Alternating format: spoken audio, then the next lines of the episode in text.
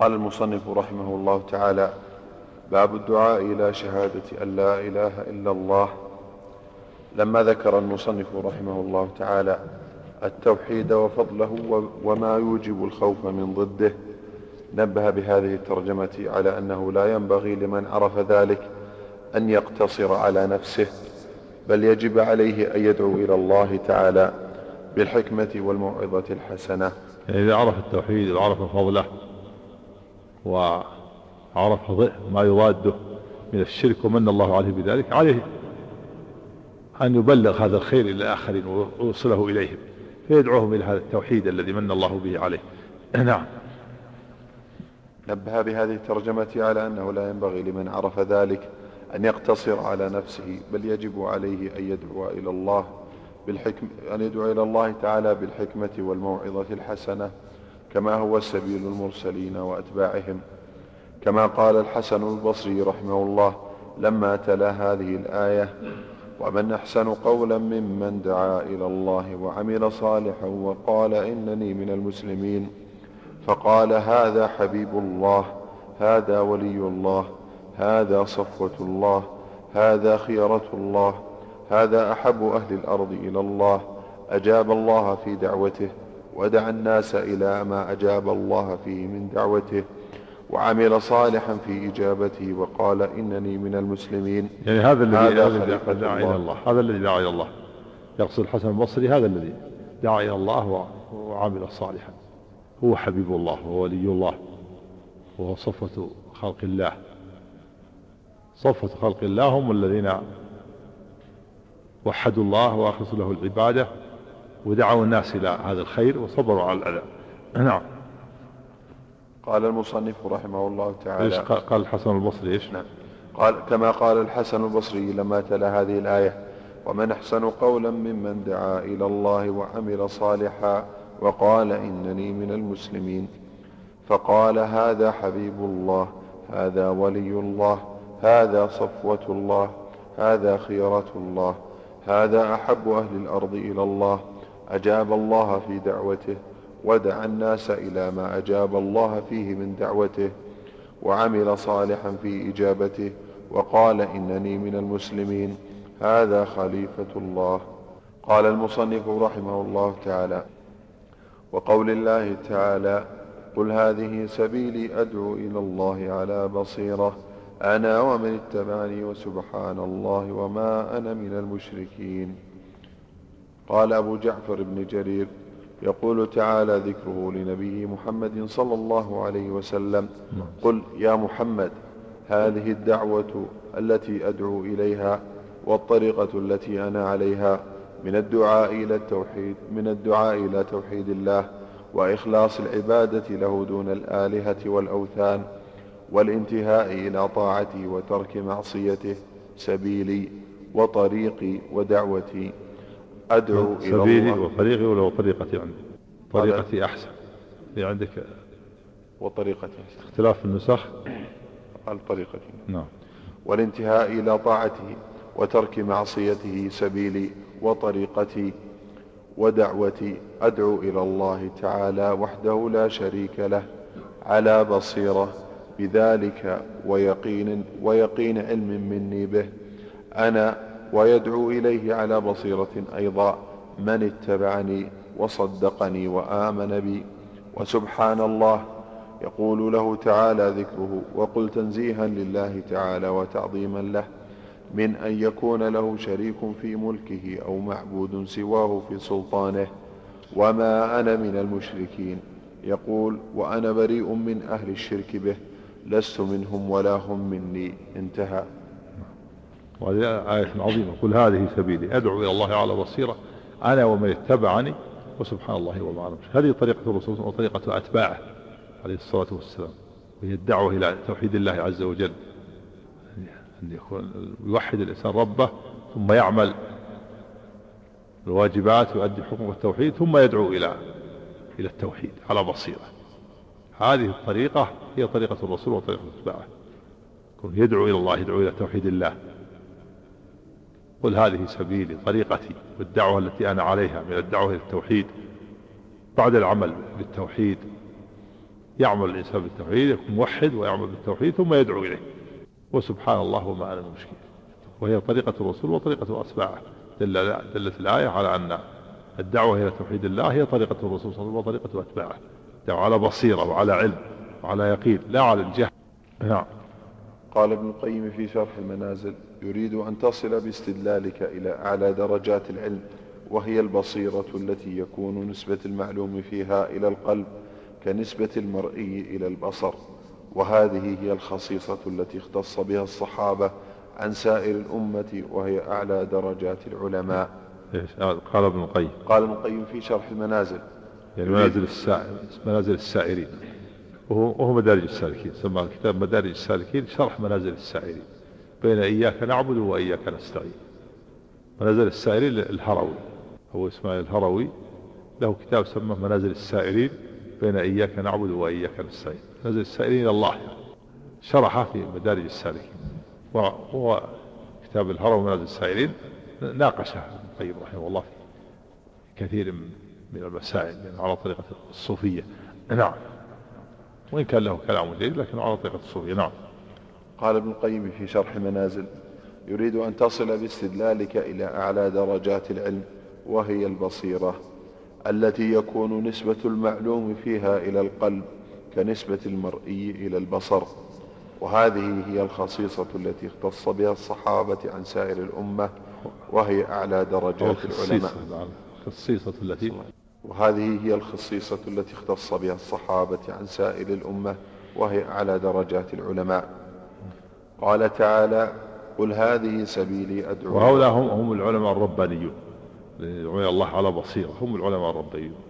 الذي يعمل بعلمه يوحد الله ويعمل بعلمه ثم يدعو الناس إلى هذا الخير يربيهم. العلماء الرباني هو اللي يربي الناس بصغار العلم قبل كباره. نعم. قال تعالى قل هذه سبيلي أدعو إلى الله على بصيرة أنا ومن اتبعني أي أنا وأتباعي على بصيرة وقيل من ومن اتبعني عطف على المرفوع في أدعو أي أنا أدعو إلى الله على بصيرة ومن اتبعني كذلك يدعو إلى الله تعالى على بصيرة. وعلى القولين فالآية تدل على أن أتباعه هم أهل البصائر الداعين إلى الله تعالى. ومن ليس منهم فليس من أتباعه على الحقيقة والموافقة وإن كان من أتباعه على الانتساب والدعوة. قال المصنف رحمه الله تعالى فيه مسائل منها التنبيه على الإخلاص لأن كثيرا من الناس لو دعا إلى الحق فهو يدعو إلى نفسه. وهذا محفوظ من قوله إلى الله أدعو إلى الله تبيع الإخلاص. يدعو إلى الله لا تدعو إلى نفسك. بعض الناس وإن كان يدعو يدعو إلى نفسه يعني حتى يعظم. فهو يدعو حتى يعظم ويثنى عليه ويمدح أو يحصل على شيء من أمور الدنيا. هذا يدعو إلى نفسه ما دعا إلى الله. قال أدعو إلى الله. يعني في تنبيه على الإخلاص. وأن دعوتك تكون إلى الله. ولهذا لا لا لا تنتصر لنفسك. ما ينتصر الإنسان لنفسه. ويصبر على الأذى والتحمل. ولا يبالي بثناء الناس ولا بمدحهم لأنه يدعو إلى الله مو بيدعو إلى نفسه. ولهذه سبيل أدعو إلى الله. هذا فيه تنبيه على الإخلاص. إيش قال قال المصنف فيه مسائل. قال المصنف رحمه الله تعالى فيه مسائل منها التنبيه على الإخلاص لأن كثيرا من الناس لو دعا إلى الحق فهو يدعو إلى نفسه. فيدعو إلى الحق لكن مقصوده الفائدة لنفسه التي تحصل له العلو والمكانة بين الناس يكون له مكانة. يكون منزلة عند الناس حتى يحصل على ما يريد. هذا وين دعا إلى الحق لكن ما دعا إلى الله دعا لنفسه. والواجب على الإنسان يدعو إلى الله ولو كان يدعو إلى الحق. قد يكون يدعو إلى الحق لكن ما دعا إلى الله دعا لنفسه. يدعو إلى الحق لكن له مقصد. مقصد حتى يستفيد هو حتى يستفيد علوه ومكانه من الناس أو حتى يحصل على شيء يريده. الواجب أن تكون دعوة إلى الله. نعم. لا إلى النفس. نعم. ومنها أن البصيرة من الفرائض. نعم. إلى الله على بصيرة. بصيرة من الفرائض. العلم. يكون الإنسان يكون عالم بما يدعو عالم بما يعمل. ها. ليس هناك علم ليس هناك عمل إلا إلا ببصيرة. وليس هناك دعوة إلا ببصيرة. يدعو الإنسان إلى جهل ما يصلح. أو يعمل بجهل ما يصلح. فريضة. فريضة على الإنسان أن يتعلم دينه حتى يعمل به ويتعلم ما يدعو إليه حتى يدعو على بصيرة. أما أن يعمل بجهل هذا ما ما ينفع. أو يدعو بجهل على جهل كذلك لا بد من البصيرة فرض فرض على الإنسان يكون البصيرة البصيرة هي العلم. ومنها أن من دلائل حسن التوحيد أنه تنزيه لله تعالى عن المسبة. أنه ومنها أن من دلائل حسن التوحيد أنه نعم. تنزيه لله تعالى عن المسبة. نعم والشرك مسبة لله. الشرك سب لله تنقص لله. مسبة معناه الذم والعيب. فالمشرك تنقص الله والموحد نزه الله. إذا من حسن التوحيد أنه فيه تنزيه لله عن المسبة وعن التنقص والعيب والذم. والشرك فيه تنقص لله والمشرك تنقص الله وذمه وعابه حيث صرف محض حقه إلى مخلوق ناقص. هذا ذم وعيب هذا تنقص لله. نعم. فمن حسن التوحيد أنه أنه تنزيه لله عن النقص والعيب.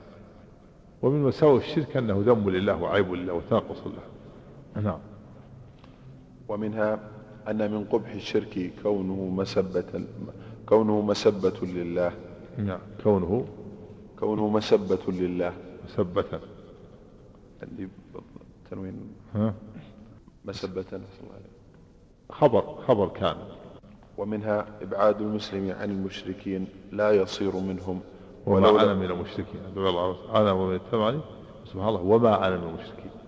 قل وما أنا. هذه براءة. براءة من الشرك وأهله. ومنها ومنها إيش؟ ومنها إبعاد المسلم عن المشركين لا يصير منهم ولو لم يشرك. انتهى. هذا تنبيهات المصنف الإمام الشيخ محمد رحمة تنبيهات عظيمة دقيقة تدل على عناية بهذا الأمر التوحيد ومنها إيش؟ الأخيرة ومنها. ومنها إبعاد المسلم عن المشركين لا يصير منهم ولو لم يشرك. ولو حتى لا يخالطهم. لا في أماكنهم ولا في ديارهم. ولهذا جاء في الحديث أن أنا بريء من كل مسلم يقيم بين المشركين. لا تراعى نراهم فالبعد عن المشرك لا, لا يختلط به. لا في المكان ولا في الديار. نعم. لا في الديار ولا في أي مكان. يبتعد عنه. نعم. وقال العلامة ابن القيم رحمه الله تعالى في معنى قوله تعالى ادع إلى سبيل ربك بالحكمة والموعظة الحسنة ذكر سبحانه مراتب الدعوة وجعلها ثلاثة أقسام. بحسب حال المدعو فإنه إما أن يكون طالبا للحق محبا له مؤثرا له على غيره إذا عرفه فهذا يدعى بالحكمة ولا يحتاج إلى موعظة وجدال. وإما أن يكون مشتغلا بضد الحق لكن لو عرفه آثره واتبعه فهذا يحتاج إلى الموعظة بالترغيب والترهيب. وإما أن يكون معاندا معارضا فهذا يجادل بالتي هي أحسن. فإن رجع وإلا انتقل معه إلى الجلاد إن نعم. أمكن إن أمكن. إلى القتال وهذه هذه مراتب الناس. الناس على هذه الأقسام الثلاثة. الناس المخالفين للحق. على هذه قسم جاهل ما يعرف الحق. لو عرفه لا, لا تبعه وقبله. هذا يدعى بالحكمة. قسم آخر يعمل بضد الحق. يعمل بالباطل الذي هو ضد الحق. هذا يحتاج إلى موعظة حتى يبين له الحق وأن ما وأن الذي هو عليه وأن ما هو عليه باطل. وقسم معارض متابع يعرف الحق لكنه معارض لا يريد الحق. هذا يحتاج إلى الموعظة ادعو إلى سبيل ربك بالحكمة والموعظة. يحتاج إلى الجدال. ادعو إلى سبيل ربك بالحكمة والموعظة الحسنة وجادلهم بالتي هي أحسن. فالجاهل يدعى بالحكمة ومن اشتغل بضد الحق يدعى بالموعظة. ومن عاند وكابر يدعى بالجدال. عن ابن عباس رضي الله تعالى عنهما أن رسول الله صلى الله عليه وسلم لما بعث معاذا إلى اليمن قال له إنك تأتي قوما من أهل الكتاب فليكن أول ما تدعوهم إليه شهادة أن لا إله إلا الله وفي رواية إلى أن يوحدوا الله فإنهم أطاعوك لذلك. وهذا في دليل على أن معنى الشهادة المراد المعنى ليس المراد اللفظ. فليكن أول ما تنوي إلى شهادة أن لا إله إلا الله وفي إلى أن يوحدوا الله. الآن المراد ليس المراد قولها باللسان بل المراد المعنى والعمل. المعنى إلى أن يشهدوا الله يعني يوحدوا الله. والروايات تفسر بعضها بعضا. وليس المراد قولها باللسان فقط. نعم. قال إنك تأتي قوما من أهل الكتاب فليكن أول ما تدعوهم إليه شهادة أن لا إله إلا الله وفي رواية إلى أن يوحدوا الله. فإنهم أطاعوك لذلك فأعلمهم أن الله افترض عليهم خمس صلوات في كل يوم وليلة. فإنهم أطاعوك لذلك فأعلمهم أن الله افترض عليهم صدقة تؤخذ من أغنيائهم فترد على فقرائهم. فإنهم أطاعوك لذلك فإياك وكرائم أموالهم واتق دعوة المظلوم فإنه ليس بينها وبين الله حجاب. أخرجاه قال الحافظ رحمه الله كان بعث معاذ إلى اليمن سنة عشر قبل حج النبي صلى الله عليه وسلم كما ذكره المصنف يعني البخاري في أواخر المغازي. وقيل كان ذلك في آخر سنة تسع عند منصرفه صلى الله عليه وآله وسلم من تبوك. رواه الواقدي بإسناده إلى كعب بن مالك وأخرجه ابن سعد في الطبقات عنه. واتفقوا أنه لم يزل واتفقوا أنه لم يزل على اليمن إلى أن قدم في خلافة أبي بكر رضي الله عنه ثم توجه إلى الشام فمات بها. قال شيخ الإسلام رحمه الله ها؟ مات في الطاعون عام واس. بعد ما ولاه؟ ما متى راح ذهب في آخر سنة تسعة وفي أول سنة عشر والنبي توفي في سنة عشر. بقي أميرا على اليمن حتى قدم في خلافة أبي بكر. ظاهره ظاهره أنه, أنه ما حج معه نعم. واتفقوا أنه لم يزل على اليمن إلى أن قدم في خلافة أبي بكر رضي الله تعالى عنه ثم توجه إلى الشام فمات بها. قال شيخ الإسلام رحمه الله ومن فضائل معاذ رضي الله تعالى عنه أنه بعثه صلى الله عليه وسلم إلى اليمن مبلغا عنه ومفقها ومعلما وحاكما. مفقها ولا مفتيا. أنه بعثه صلى الله عليه وسلم إلى اليمن مبلغا عنه ومفقها ومعلما وحاكما. قوله إنك تأتي قوما من أهل الكتاب. قال القرطبي يعني به اليهود والنصارى لأنهم كانوا في اليمن أكثر من مشرك العرب أو أغلب. وفيه أنه ينبغي الإنسان أن يعرف الداعي يعرف أحوال المدعوين ولهذا علمه النبي صلى الله عليه وسلم. يعني تأتي قوم من الكتاب يعني عندهم علم استعد لمناظرتهم ومجاداتهم أنه ينبغي للداعي أن يعرف حال المدعوين حتى يعطيهم ما يناسبهم. إن كانوا جهال يعطيهم إن كانوا علماء يحتاج إلى جدال. هذا عندهم علم من أهل الكتاب. إنك في قوم من أهل الكتاب يعني فاستعد لمناظرتهم ومجادلتهم. دل على أن الداعي ينبغي أن يعرف حال المدعوين. نعم.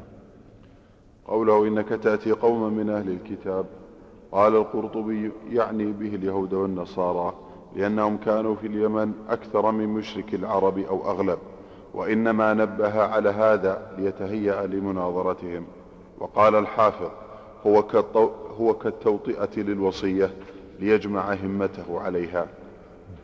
قوله فليكن أول ما تدعوهم إليه. شهادة أن لا إله إلا الله.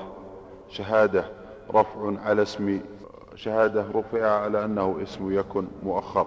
وأول خبره خبرها مقدم. فليكن أول ما تدعوهم شهادته أول خبر مقدم وشهادة اسمه مؤخر. نعم. شهادة رفع على أنه اسم اسم يكن مؤخر وأول خبرها خبرها مقدم ويجوز العكس. قوله وفي رواية إلى أن يوحدوا الله.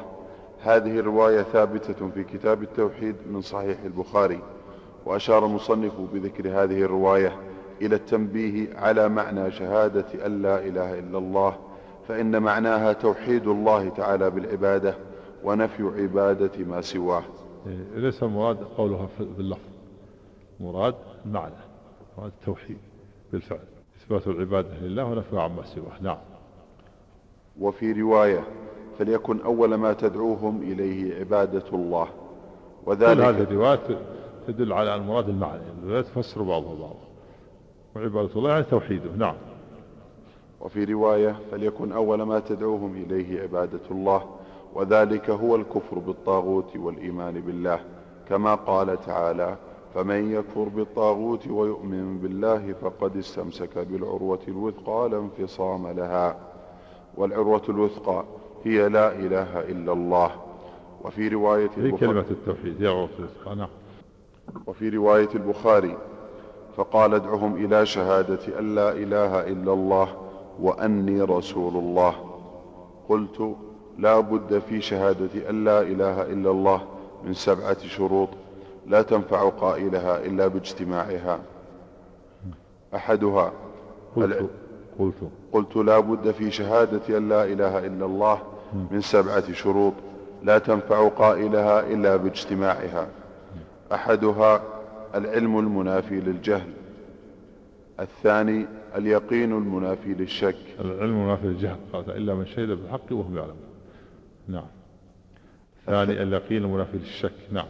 الثاني اليقين المنافي للشك. الثالث القبول المنافي للرد.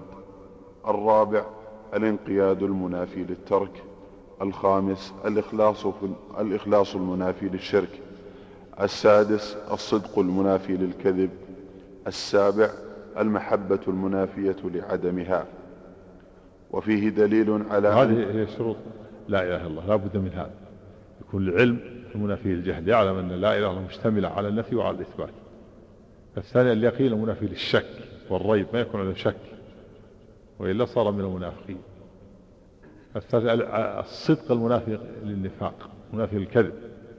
لأن المنافقين يقولون هذا لكن لا يصدقون فيه الرابع الإخلاص المنافي للشرك حتى لا يقع في عمل الشرك. الخامس القبول المنافي للرد. السادس الانقياد المنافي للترك. السابع إيش؟ المحبة. المحبة المنافية لضدها. والانقياد معناه الانقياد بحقوق الله. المحبة المنافية لضدها. يعني المنافية للبغض. زاد بعضهم ثامن وهو البراءة من الشرك وأهله. وهذا الثامن مأخوذ يعني من, من هذه الشروط. علم وصدق يقين مع علم وصدق يقين ومحبة مع محبة وانقياد والقبول لها وزاد بعضهم الكفران بما يعني براءة من الشرك وأهله نعم أحسن الله عليك.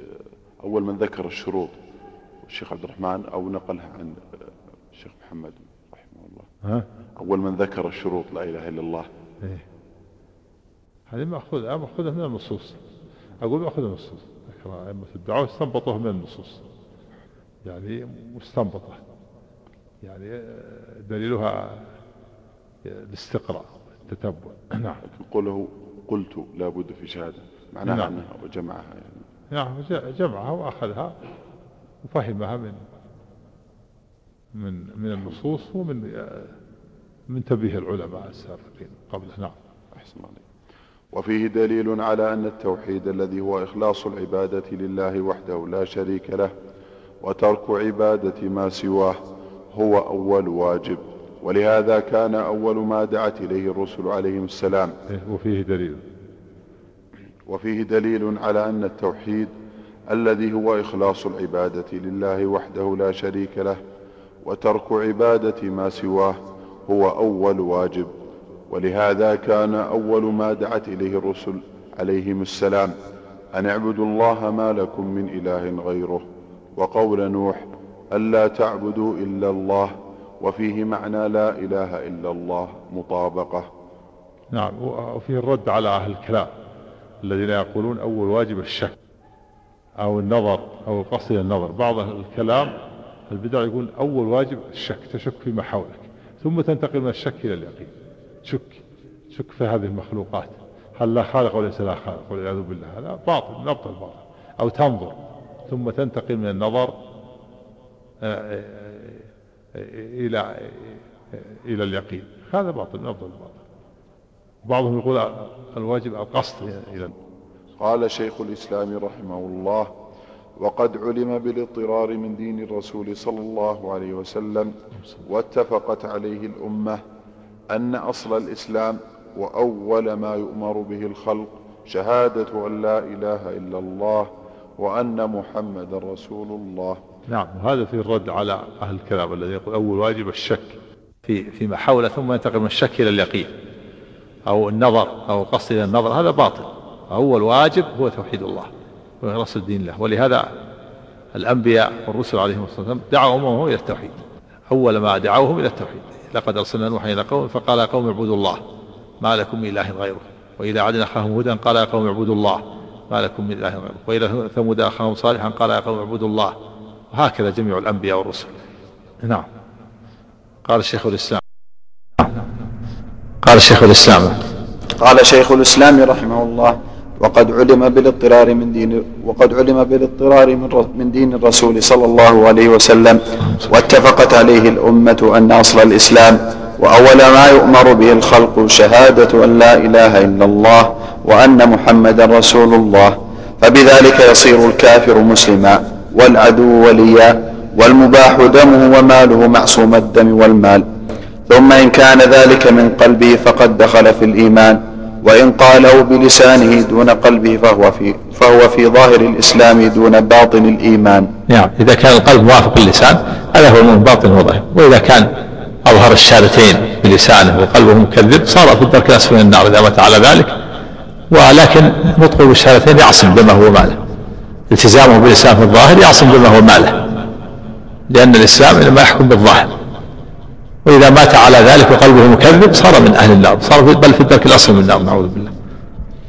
لأن ما ينفع الإيمان بالظاهر فقط باللسان لا بد من موافقة القلب باللسان. إذا كان القلب موافق هذا هو المؤمن باطن وظاهر وإذا كان القلب مخالف صار مسلما في الظاهر كافر في الباطن نعوذ بالله. نعم. قال وأما إذا لم يتكلم بها مع القدرة فهو كافر باتفاق المسلمين باطنا, باطنا وظاهرا. إذا لم يتكلم بالشهادتين. خلافا للمرجئة يرون أن الإيمان هو التصديق فقط. ولو لم ولو لم يعمل. مرجئة يرون أن التصديق. ولو لم ينطق بالشهادتين. هذا باطل. الماتريدية والمرجئة يقول الإيمان هو التصديق فقط. والأعمال ليست من الإيمان. ولو لم ينطق. ويقولون الإقرار باللسان والنطق بالشهادتين هذا ركن زائد ليس من الإيمان. مطلوب لكن ليس من الإيمان. وهذا باطل. نعم. قال وأما إذا لم يتكلم بها مع القدرة فهو كافر باتفاق المسلمين باطنا وظاهرا عند سلف الأمة وأئمتها وجماهير العلماء. يعني خلاف المرجع. نعم. قال المصنف رحمه الله تعالى وفيه أن الإنسان قد يكون عالما وهو لا يعرف معنى لا إله إلا الله أو يعرفه ولا يعمل به. إيش؟ قال, قال وفيه أن الإنسان قد يكون عالما وهو لا يعرف معنى لا إله إلا الله أو يعرفه ولا يعمل به. عالما؟ يعني عنده شيء من العلوم لكن ما يعرف معنى لا إله إلا الله. وهذا كثير.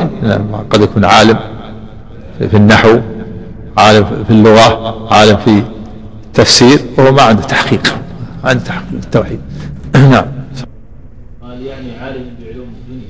نعم. أو عالما حافظا لعلوم الدين ولكنها لا تمس قلبه. لا تمس قلبه ولا, ولا عقيدة لأنه تعلمها للدنيا. وليقال عالم فهو محترف العلم وقد يكون بارعا حاذقا في هذه الحرفة ولكنه لا ينتفع بنفسه بعلمه. لأن علمه في ناحية وعقيدته ودينه مع تقليد العوام والجمهور في ناحية أخرى وهذا حال أكثر العلماء الرسميين اليوم أصلحهم الله. هذا لمن الكلام ذا؟ هذا. نعم وهذا يوجد يوجد يوجد في هذا الزمان وقبل هذا الزمان الناس ما عندهم تحقيق. حتى قد يكونوا محدثين لكن ما يفرق بين توحيد الربوبية وتوحيد الألوهية. نعم. لأنه ما ما اعتنى بهذا. بهذا الأمر العظيم. صارت ولايته بشيء آخر. نعم. قال المصنف رحمه الله تعالى وفيه أن الإنسان قد يكون عالما وهو لا يعرف معنى لا إله إلا الله أو يعرفه ولا يعمل به. قال المحشي صلى الله عليه المسألة العاشرة. قلت فما أكثر هؤلاء لا كثرهم الله تعالى؟ قوله فإنهم أطاعوك لذلك أي شهدوا وانقادوا لذلك. لمن هذا؟ من كلام. وهذا التعليق لمن قال في الحاشية المسألة العاشرة. قال عن نعم. المسألة العاشرة. نعم. قوله فإنهم أطاعوك لذلك أي شهدوا وانقادوا لذلك فأعلمهم أن الله افترض عليهم خمس صلوات. فيه أن الصلاة أعظم واجب بعد الشهادتين. قال النووي رحمه الله ما معناه؟ أنه يدل على أن المطالبة بالفرائض في الدنيا لا يكون إلا بعد الإسلام ولا يلزم من ذلك. إيش؟ قال النووي. قال النووي ما معناه أنه يدل على أن المطالبة بالفرائض في الدنيا لا يكون إلا بعد الإسلام ولا يلزم من ذلك أن لا يكونوا مخاطبين بها ويزاد في عذابهم بسببها بسببها في الآخرة. والصحيح. صحيح. هذا يعني المعنى أنه لا يطالب بها في الدنيا ما يؤمر بالصلاة والصوم والزكاة وهو لأنه لا تصح منه في حال كفر وإن كان مخاطبا بفروع الشريعة. بمعنى أنه يوم القيامة يعذب على ترك التوحيد ويعذب على ترك الصلاة والصوم والزكاة ولا يعذب عليها. لكن لا يطالب بها في الدنيا قبل الإسلام قبل التوحيد. ما يطالب بالصلاة والزكاة لأن ما تنفع في حال كفر لكن في الآخرة يعذب على هذا وعلى هذا. نسأل الله العافية. هذا معنى يكون مخاطب بفروع الشريعة. نعم. سواء لك ثمرة الخلاف في مطالبة الكفار. ثمرة هذا الخلاف بين أهل العلم. هل هم مطالبين ولا ليسوا إيه، من قال من قال إنه مخاطب بفروع الشريعة قال يعذب على هذا وعلى هذا. ومن قال ليس مخاطب قال يعذب على ترك التوحيد فقط. نعم. قال النووي رحمه الله ما معناه أنه يدل على أن المطالبة بالفرائض في الدنيا لا يكون إلا بعد الإسلام ولا يلزم من ذلك أن لا يكونوا مخاطبين بها. ويزاد في عذابهم بسببها في الآخرة. والصحيح أن الكفار مخاطبون بفروع الشريعة المأمور به أن الكفار مخاطبون بفروع الشريعة المأمور به والمنهي عنه. وهذا قول الأكثر يعني مخاطب بالنواهي وبالأوامر. مخاطب في الأوامر وترك النواهي. نعم. قال وهذا قول الأكثرين. انتهى. قوله فاعلمهم أن هذا قول الأكثرين. وهناك من يرى أنهم ليسوا مخاطب بفروع الشريعة. مسألة أصولية والصواب أنهم خاطبوا بمعنى أنهم يعاقبون عليه يوم القيامة وعلى ترك التوحيد. نعم. قوله فاعلمهم أن الله افترض عليهم صدقة تؤخذ من أغنيائهم فترد على فقرائهم. فيه دليل على أن الزكاة أوجب الأركان بعد الصلاة وأنها تؤخذ من الأغنياء وتصرف على الفقراء. وإنما خص النبي صلى الله عليه وسلم الفقراء لأن حقهم في الزكاة آكد من حق بقية الأصناف الثمانية. وفيه أن الإمام هو الذي يتولى قبض الزكاة وصرفها. إيه، وفيه. وفيه أن الإمام هو الذي يتولى قبض الزكاة وصرفها إما بنفسه أو نائبه. فمن امتنع من أدائها أخذت قهرا منه.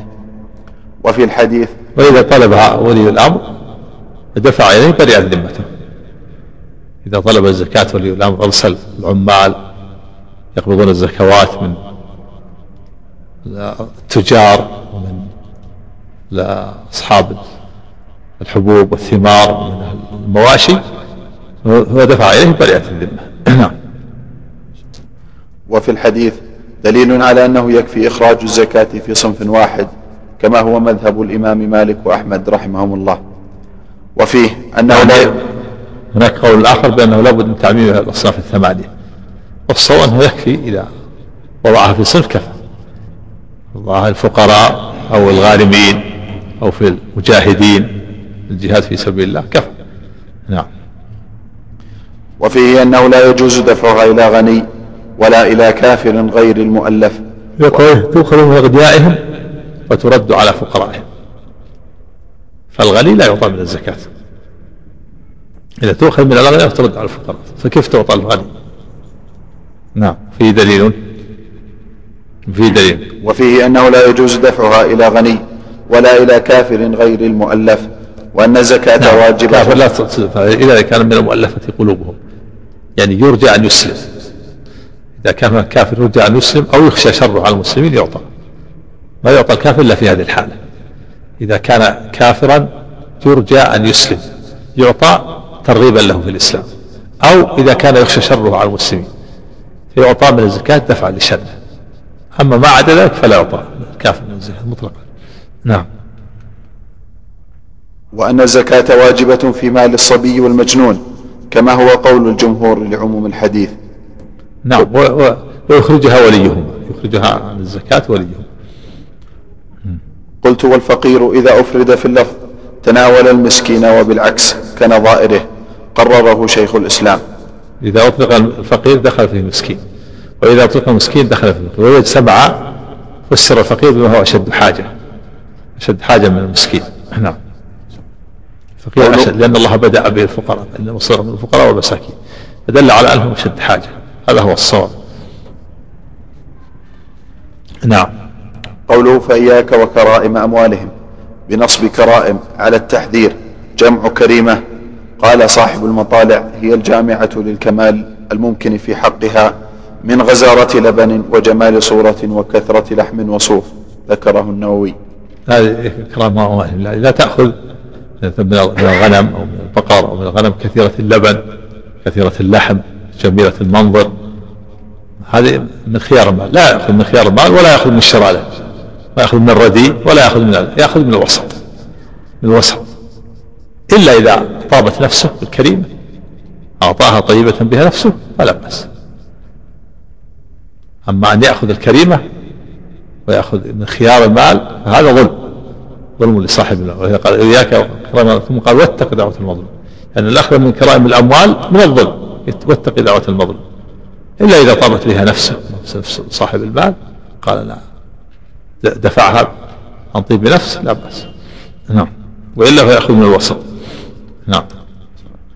قلت وهي خيار المال وأنفسه وأكثره ثمنا وفيه أنه يحرم على العامل في الزكاة أخذ كرائم الأموال ويحرم على صاحب المال أخذ شرار المال بل يخرج الوسط فإن طابت نفسه بالكريمة جاز. وله واتق دعوة المظلوم. ها؟ جاز وإيش؟ ويحرم على صاحب المال إخراج شرار المال بل يخرج الوسط فإن طابت نفسه بالكريمة جاز. بعد؟ وله واتق دعوة المظلوم. وله وقوله. قوله وقوله نعم. وقوله واتق دعوة المظلوم. أي اجعل بينك وبينها وقاية بالعدل وترك الظلم. وهذان الأمران يقيان من, رزقه من رزقهما من جميع الشرور دنيا وآخرة دنيا إيه. وأخرى. إيش؟ وقوله واتق دعوة المظلوم. أي اجعل بينك وبينها وقاية بالعدل وترك الظلم. وهذان الأمران يقيان من رزقهما من جميع الشرور دنيا وأخرى. هذان الأمران العدل وترك الظلم. كيف يقال انهما أمران؟ أليس العدل هو ترك, ترك الظلم وترك الظلم هو العدل؟ فكيف جعلهما أمران؟ وهذان الأمران ترك الظلم والعدل وترك الظلم. يقيان هل ينفصل أحدهما عن الآخر؟ ها؟ كيف يقول هذا الأمران؟ وهذا يعني قد قد يكون يعني قد يكون عادل من جهة لكن هناك ظلم في بعض في بعض النواحي. إذا كان عدل وترك الظلم من جميع ترك الظلم من جميع أنواعه وعدل حصل الخير. وهذان الأمران نعم. وهذان الأمران يقيان من رزقهما من جميع الشرور دنيا وأخرى وفيه تنبيه على التحذير من جميع أنواع الظلم. قوله فإنه أي الشأن ليس بينها وبين الله حجاب. هذه الجملة مفسرة لضمير الشأن. أي فإنها لا تحجب عن الله تعالى فيقبلها. أي قول فإنه أي الشأن. قوله فإنه أي الشأن. ليس بينها وبين الله حجاب. نعم. هذه الجملة مفسرة لضمير الشأن. أي فإنها لا تحجب عن الله تعالى فيقبلها. وفي الحديث أيضا قبول خبر الواحد العدل ووجوب العمل به وبعث الإمام العمال لجباية الزكاة. وأنه يعظ عماله من, من أين أخذنا هذا؟ قبول خبر العدل حديث. وفي الحديث أيضا قبول خ... وفي الحديث أيضا قبول خبر الواحد العدل ووجوب العمل به وبعث الإمام العمال لجباية الزكاة. من أين؟ نعم. بعث نعم بعث معاذ وبعث العمال. نعم وقبول كون العمال يبعثون إلى الناس يأخذون يقبل الناس كلامهم أنهم أنهم عمال من قبل ولي الأمر. نعم. وفي الحديث أيضا قبول خبر الواحد العدل ووجوب العمل به وبعث الإمام العمال لجباية الزكاة وأنه يعظ عماله وولاته ويأمرهم بتقوى الله تعالى ويعلمهم وينهاهم عن الظلم ويعرفهم سوء عاقبته والتنبيه على التعليم بالتدريج قاله المصنف. قلت ويبدأ بالأهم فالأهم. بعد نعم. ولذلك بدأ بالتوحيد ثم الصلاة ثم الزكاة. يبدأ بالأهم فالأهم نعم. واعلم أنه لم يذكر في الحديث الصوم والحج فأشكل ذلك على كثير من العلماء. قال شيخ الإسلام رحمه الله أجاب بعض الناس أن بعض الرواة اختصر الحديث وليس كذلك فإن هذا طعن في الرواة لأن ذلك إنما يقع في الحديث الواحد مثل حديث وفد عبد القيس حيث ذكر بعضهم الصيام وبعضهم لم يذكره. فأما الحديثان المنفصلان فليس الأمر فيهما كذلك ولكن, ها ولكن عن هذا جوابان. أحدهما أن ذلك بحسب نزول الفرائض وأول ما فرض الله الشهادتين ثم الصلاة فإنه أمر بالصلاة في أول أوقات في أول أوقات الوحي. ولهذا لم يذكر وجوب الحج كعامة الأحاديث إنما جاء في الأحاديث المتأخرة. قلت وهذا من الأحاديث المتأخرة. ولم يذكر فيها. الجواب الثاني أنه كان يذكر في كل مقام ما يناسبه فيذكر تارة الفرائض التي يقاتل عليها كالصلاة والزكاة ويذكر تارة الصلاة والصيام لمن لم يكن عليه زكاة ويذكر تارة الصلاة والزكاة والصوم فإما أن يكون قبل فإما أن يكون قبل فرض الحج وإما أن يكون المخاطب بذلك لا حج عليه. وأما الصلاة والزكاة فلهما شأن ليس لسائر الفرائض. ولهذا ذكر تعالى في كتابه القتال عليهما لأنهما عبادات عبادات عبادتان ظاهرتان. بخلاف الصوم فإنه أمر باطن من جنس الوضوء والاغتسال من الجنابة. ونحو ذلك مما يؤتمن عليه العبد. فإن الإنسان يمكنه أن لا ينوي الصوم وإن, وأن, يأكل, وأن يأكل سرا كما يمكنه أن يكتم حدثه وجنابته. وهو صلى الله عليه وسلم يذكر. بعيد بعيد. الموقف فإن الإنسان يمكنه أن لا ينوي الصوم وأن يأكل سرا هذا أيضا كذلك أيضا لأن هذا التوحيد والصلاة والزكاة من استقام عليه استقام على بقية شرع الإنسان. هذا يحتاج إلى إعادة. من قوله واعلم يحتاج إلى إعادة. وفق الله الجميع. واعلم. وفق الله. الصلاة والسلام على نبينا محمد وعلى آله وصحبه أجمعين. قال واعلم أنه لم يذكر في الحديث الصوم والحج. فأشكل ذلك على كثير من العلماء. قال شيخ الإسلام رحمه الله. يعني في حديث معاذ لما بعث إلى اليمن أمر بأن يدعوهم التوحيد ثم الصلاة ثم الزكاة ولا ذكر الصوم والحج. نعم واعلم. واعلم أنه لم يذكر في الحديث الصوم والحج. فأشكل ذلك على كثير من العلماء. قال شيخ الإسلام رحمه الله أجاب بعض الناس أن بعض الرواة اختصر الحديث وليس كذلك فإن هذا طعن في الرواة لأن ذلك إنما يقع في الحديث الواحد مثل حديث وفد عبد القيس حيث ذكر بعضهم الصيام وبعضهم لم يذكره فأما الحديثان المنفصلان فليس الأمر فيهما كذلك ولكن عن هذا جوابان. أحدهما أن ذلك بحسب نزول الفرائض وأول ما فرض الله الشهادتين ثم الصلاة. فإنه أمر بالصلاة في أول أوقات الوحي ولهذا لم يذكر وجوب الحج كعامة الأحاديث إنما جاء في الأحاديث المتأخرة. قلت وهذا من الأحاديث المتأخرة ولم يذكر فيها. يعني كان هذا رد لهذا الجواب. إيش قبل سطر فإنه أمر بالصلاة في أوقات في أول أوقات الوحي. نعم. ولهذا لم يذكر وجوب الحج كعامة الأحاديث إنما جاء في الأحاديث المتأخرة. قلت وهذا من الأحاديث المتأخرة ولم يذكر فيها. لأن معاذ آه، بعثه النبي في السنة التاسعة من الهجرة وكذا. متأخر. نعم. الجواب الثاني. ك... ها؟ رد على شيخ لا هذا هو كلام شيخ الإسلام. كان يرد هذا القول اللي قال قال, قال عن هذا جوابان مو هذا كلام شيخ الإسلام؟ قال هذا جوابان. قال عنه جوابان. ذكر الجواب الأول ثم رده. قلت يرد للجواب الأول.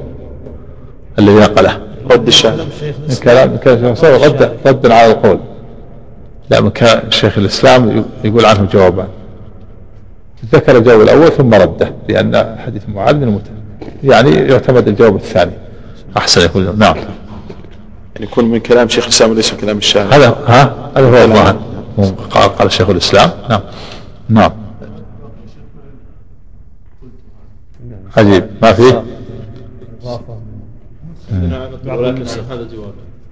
ما في؟ قول قلت. قال محشي إضافة من من نسختين والتيسير وذكرها بين معطوفتين. مم. طيب. لا لا الشرح ما نعم. الجواب الثاني. محتمل. أنه محتمل يحتاج إلى تامل ما قبلهم بعد. نعم. نعم.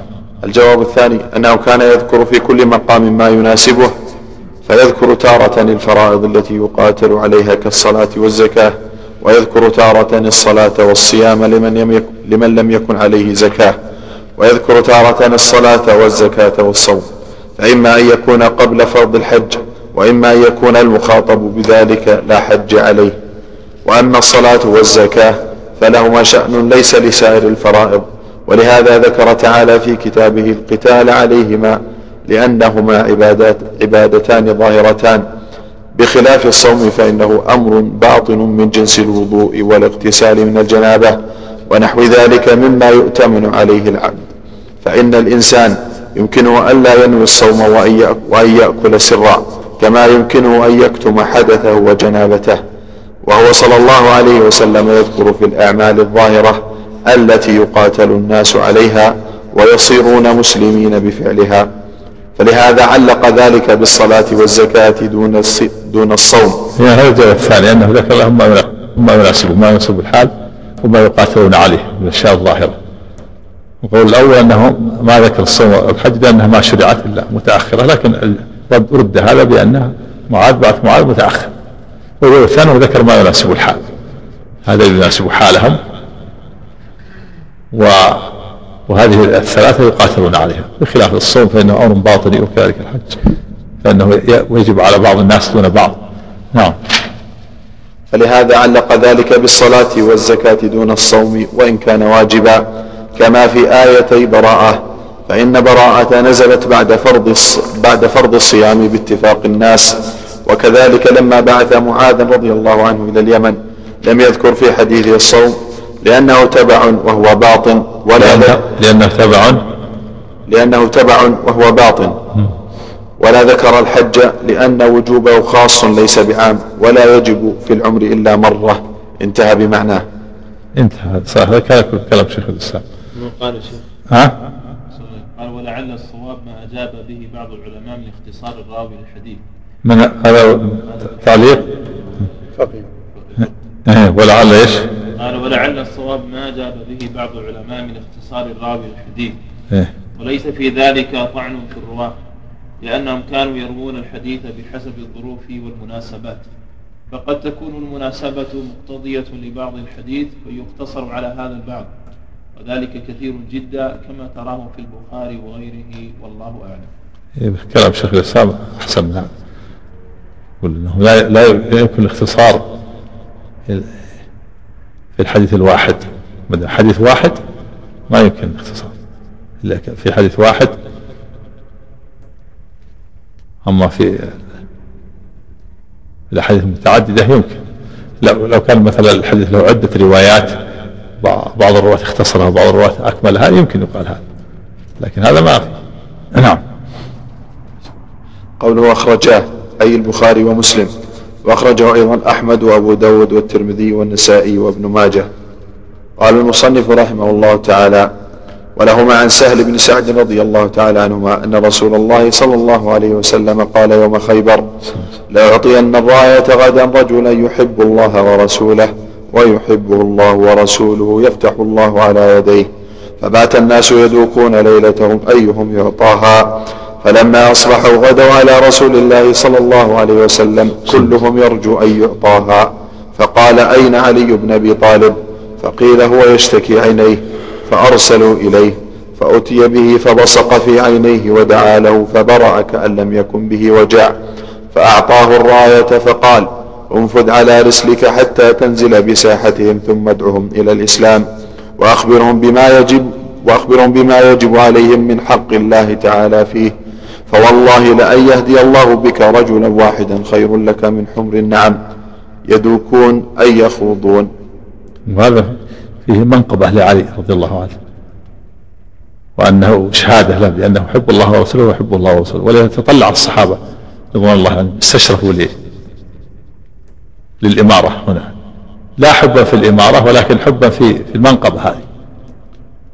يحب الله ورسوله ويحبه. قال لا أعطينا الله رجلا رجلا غدا رجلا يحب الله ورسوله ويحبه الله ورسوله. ومعلوم أن كل مؤمن يحب الله ورسوله لكن كونه نص عليه بعينه بأنه يحب الله ورسوله ويحب الله ورسوله هذه كل يرغب فيها.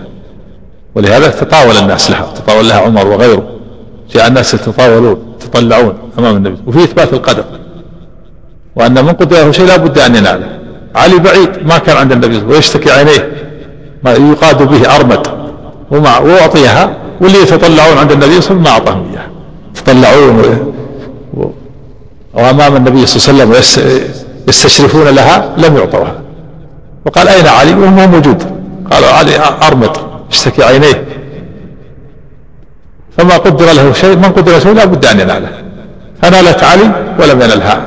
هؤلاء الذين بجواره عليه الصلاة والسلام. وفي إثبات شهادة أن لا إله إلا الله وأن محمد رسول الله. كونه أتي به يقاد أرمد أعمى كأنه أعمى. ثم تفل النبي صلى الله عليه وسلم فبرأ في الحال هذه إثبات في إثبات الشهادتين إثبات أن لا إله إلا الله وأن الله على كل شيء قدير. إنما أمره إذا إثبات أن محمد رسول حيث منقع من علامات النبوة حيث أنه تفل في الحال ثم برئ. ولا يحتاج إلى شيء آخر. لا يحتاج علاج والرمد معلوم أنه أنه مرض طول يجلس مدة لكن في الحال برأ في الحال. زال. زال في الحال. ولم ولم يشتكي عينه بعد بعد ذلك. نعم. وفيه إثبات تكرار الدعوة. وهذا محل اجتهاد. ولو ولو بلغتهم الدعوة. أن من بلغتهم الدعوة يجتهد. هل يبلغهم الدعوة مرة أخرى؟ أو يغير عليهم جاء في بعض النصوص أن النبي صلى الله عليه وسلم أغار على بعض على بعض المشركين ولم لأن الدعوة بلغتهم كما أغار على بن المصطلق وهم غارون وأنعامهم تسقى على الماء فقتل مقاتلتهم وسبى ذراريهم واصطفى لنفسه جويلة بنت الحارث. لأن الدعوة بلغتهم ما عاد الدعوة مرة ثانية. أتاهم وهم غارون غافلون. وأنعام تسقى على الماء فقتل مقاتل وسبى ذراريهم لأن بلغتهم بلغوا الدعوة ولم ولم يؤمنوا. فقتلوا. وفي خيبر قال النبي صلى الله عليه وسلم ثم ادعهم إلى مرة أخرى باب التكرار. وهذا استحباب التكرار الدعوة مستحب وليس بواجب. هذا مستحب. أما من لم تبلغ الدعوة لابد أن يبلغ الدعوة. ما يغير عليه ما يغار عليه ولا يقاتل حتى يبلغ الدعوة. فإن قبل فالحمد لله. إن قبل ودخل في الإسلام فالحمد لله. وإن لم يقبل قتل. أما من بلغت الدعوة هذا محل اجتهاد. إذا بلغ الدعوة مرة أخرى يكون هذا من باب الاستحباب تكرر الدعوة كما في خيبر. ويجوز الإغارة عليه بدون تبليغ الدعوة لأن الدعوة بلغت اكتفاء بتبليغه السابق كما أغار النبي صلى الله عليه وسلم المستغرق وهم غارون والعام تسقى على الماء. شوف كلام شيخ الإسلام أول ما قرأت الأول القول الأول. إيه قال شيخ الإسلام رحمه الله أجاب بعض الناس أن بعض الرواة اختصر الحديث وليس كذلك فإن هذا طعن في الرواة لأن ذلك إنما يقع في الحديث الواحد مثل حديث وفد عبد القيس حيث ذكر بعضهم الصيام وبعضهم لم لم يعني يذكر. يعني يقول إذا كان في حديث واحد يمكن بعض الرواة يختصره وبعض الرواة لا يختصره. حديث وفد عبد القيس بعضهم ذكر الصيام. أمركم بالإيمان بالله وحده أثبتوا الإيمان بالله وحده شهادة أن لا إله إلا الله وأن محمدا رسول الله وإقام الصلاة. وإيتاء الزكاة وأن تؤدوا خمس غنمتم في بعض الروايات قال وإقام الصلاة وإيتاء الزكاة وصوم رمضان. اختصرت إذا كان حديث واحد يختصر بعض الرواة. أما أن يكون كل الرواة كلهم يتفقون على شيء واحد ويقال إن, بعض الرواة اختصر كما قال أحمد فقي هذا ليس بجيد كلام شيخ الإسلام مقدم على على كلام أحمد حمد فقي هذا اللي في الحاشية. بعد هذا عندك إيش؟ الشرح. نعم. بارك قف هذا وفق الله جميعا بسم الله الرحمن الرحيم. الحمد لله رب العالمين. وصلى الله وسلم وبارك على نبينا محمد وعلى آله وصحبه أجمعين. اللهم صل قال الشارح رحمه الله قوله قال يوم خيبر أي في غزوة خيبر. وفي الصحيحين عن سلمة بن الأكوع رضي الله عنه قال كان علي رضي الله عنه قد تخلف عن النبي صلى الله عليه وسلم في خيبر وكان أرمدا. فقال أنا أتخلف عن رسول الله صلى الله عليه وسلم فخرج علي رضي الله عنه فلحق بالنبي صلى الله عليه وسلم. فلما كان مساء الليلة التي فتح الله عز وجل في صباحها قال رسول الله صلى الله عليه وسلم لأعطين الراية أو ليأخذن الراية غدا رجلا يحبه الله ورسوله أو قال يحب الله ورسوله يفتح الله على يديه. فإذا نحن بعلي وما نرجوه فقالوا هذا علي. ما, ما نرجوه لأن شدة الرمد التي فيه لأن في رمد شديد ما يستطيع يأتي. فأتى وهم لا, لا يرجونه. وفي اللفظ الآخر أتي به يقاد أرمد. نعم. فإذا نحن بعلي وما نرجوه فقالوا هذا علي. فأعطاه رسول الله صلى الله عليه وسلم الراية ففتح الله عليه. وهذا في منقبة لعلي رضي الله عنه. في الشهادة له بعينه بأنه يحب الله ورسوله ويحبه الله ورسوله. ومعلوم أن هذا وصف لكل مؤمن. كل مؤمن يحب الله ورسوله ويحب الله ورسوله. لكن نص على شخص بعينه بأنه يحب الله ورسوله هذا مما يرغب فيه. ولهذا رغب الصحابة جعلوا يدكون ليلتهم أيهم يعطاها. من أجل هذا الوصف لا من أجل الرغبة في, في الإمارة. حتى تتطلع حتى تطلع تطلع الصحابة إلى هذا تطلع إلى عمر وغيره. فأعطاها علي. قوله لأعطين الراية قال الحافظ في رواية بريرة في رواية بريدة رضي الله عنه إني دافع اللواء إلى رجل يحب إلى رجل يحبه الله ورسوله. وقد صرح جماعة من أهل اللغة بترادفهما. لكن روى أحمد والترمذي من حديث ابن عباس رضي الله عنهما كانت راية رسول الله صلى الله عليه وسلم سوداء ولواؤه أبيض ومثله عند الطبراني عن بريدة وعن ابن عدي عن أبي هريرة رضي الله عنه وزاد مكتوب فيه لا إله إلا الله محمد رسول الله قوله يحب الله ورسوله ويحبه الله ورسوله. إثبات المحبة لله تعالى في الرد على الجهمية المعتزلة والأشاعرة في نفيهم المحبة. نفى المحبة الجهمية والمعتزلة والأشاعرة وقالوا إن المحبة ما ما تصلح لأن المحبة لا تكون إلا لمناسبة بين المحب والمحبوب وليس هناك مناسبة بين الخالق والمخلوق. توجب المحبة. إقطاع الصلة بين الخالق والمخلوق نعوذ بالله. هذا باطل من أبطل الباطل. النصوص صريحة في إثبات المحبة لله يحبهم ويحبونه. إن الله يحب التوابين ويحب المطهرين إن الله يحب المتقين. إن الله يحب المقسطين. في الحديث هؤلاء يحب الله ورسوله ويحبه الله ورسوله. نعم.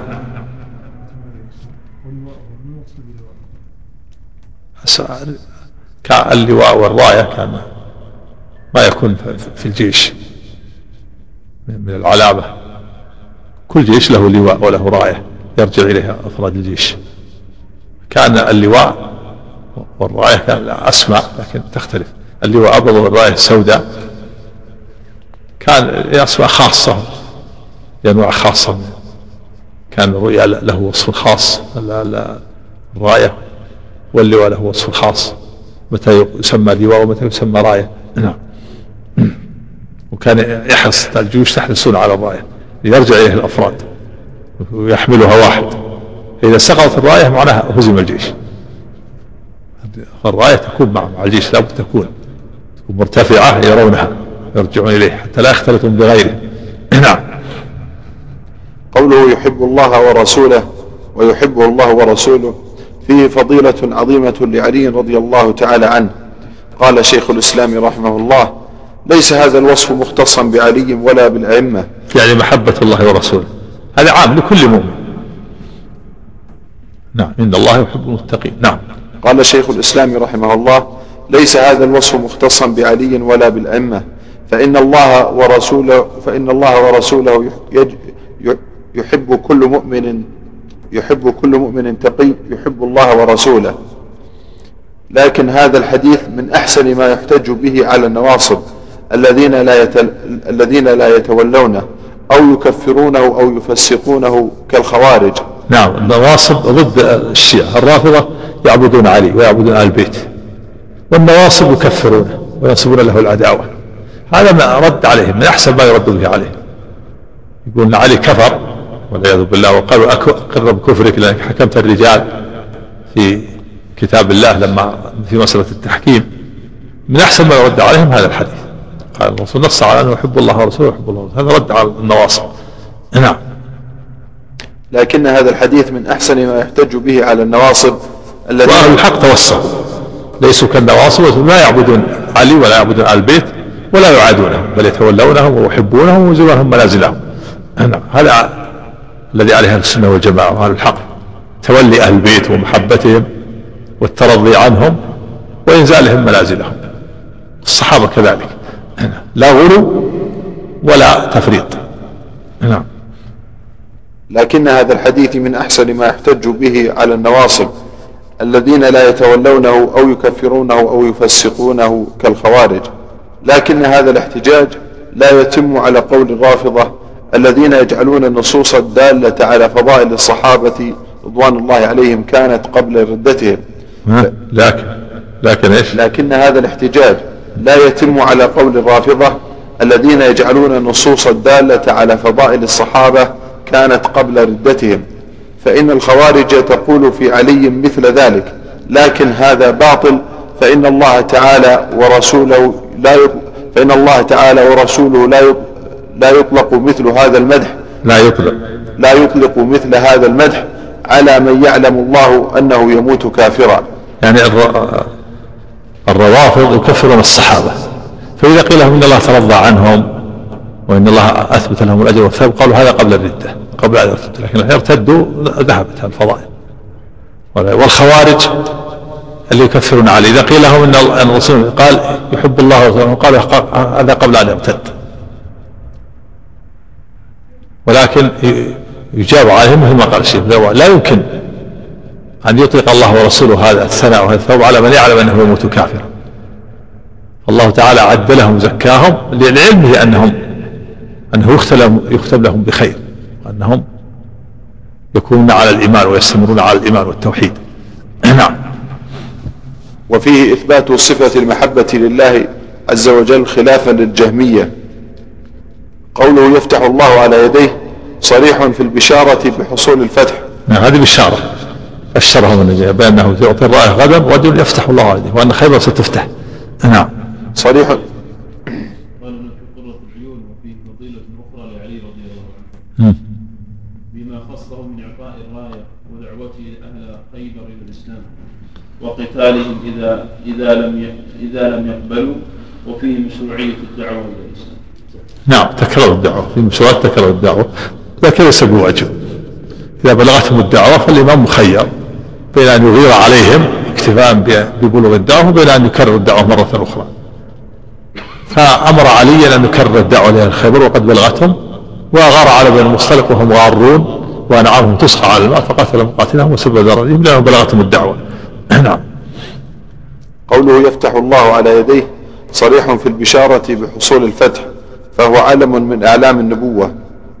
قوله فبات الناس يدوكون ليلتهم بنصب ليلتهم ويدوكون قال المصنف يخوضون أي في من يدفعها إليه وفيه حرص الصحابة على الخير واهتمامهم به نعم. وعلو مراتبهم في العلم والإيمان. رضي الله عنهم. ما أهتم لأمور الدنيا.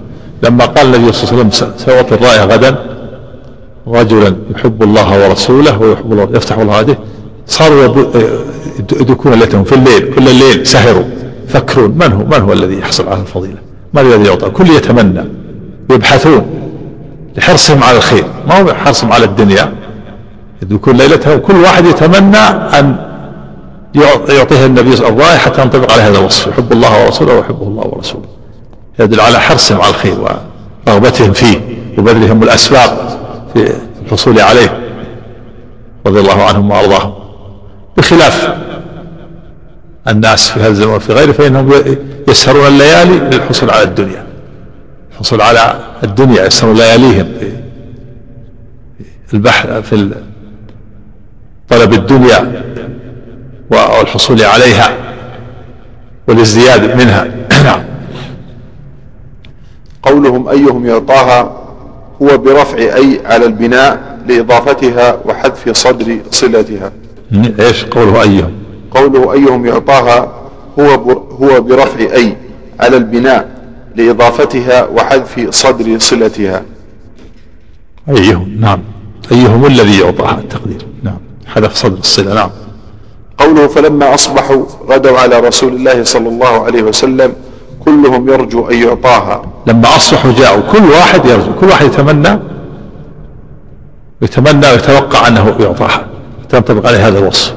كلهم يرجو أن يعطاها. كل واحد يتمنى هذا. نعم ويتوقع.